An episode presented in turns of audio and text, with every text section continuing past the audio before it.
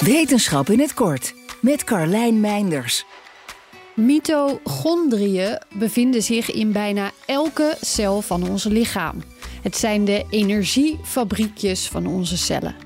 De chemische processen die nodig zijn voor het maken van die energie kunnen ook verstoord zijn. Dan is er sprake van een mitochondriële stoornis. Deze ziektes kunnen ongeneeslijk zijn en baby's met sommige vormen kunnen er binnen dagen of zelfs uren na de geboorte al aan sterven.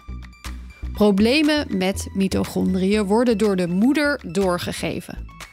Om te voorkomen dat kinderen met mitochondriële aandoeningen worden geboren, is daarom enige tijd terug een nieuwe vorm van IVF bedacht.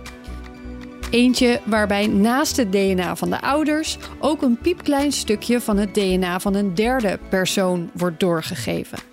Dat stukje moet alleen zorgen voor gezonde mitochondriën. Het is dus niet zo dat het kind drie ouders heeft of dat dit stukje DNA bijdraagt aan hoe het eruit ziet. In 2016 werd uit deze techniek de eerste baby geboren in de VS. Inmiddels zijn er meerdere baby's geboren met het DNA van drie mensen, waaronder in ieder geval eentje in Engeland. Maar er is nog weinig bekend over het succes van de behandelingen.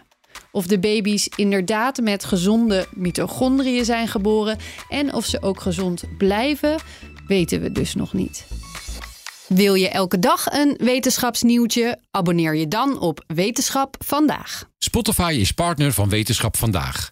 Luister Wetenschap vandaag terug in al je favoriete podcast-apps. Business Booster. Hey ondernemer, KPN heeft nu Business Boosters. Deals die jouw bedrijf echt vooruit helpen. Zoals nu, zakelijk tv en internet, inclusief narrowcasting... de eerste 9 maanden voor maar 30 euro per maand. Beleef het EK samen met je klanten in de hoogste kwaliteit.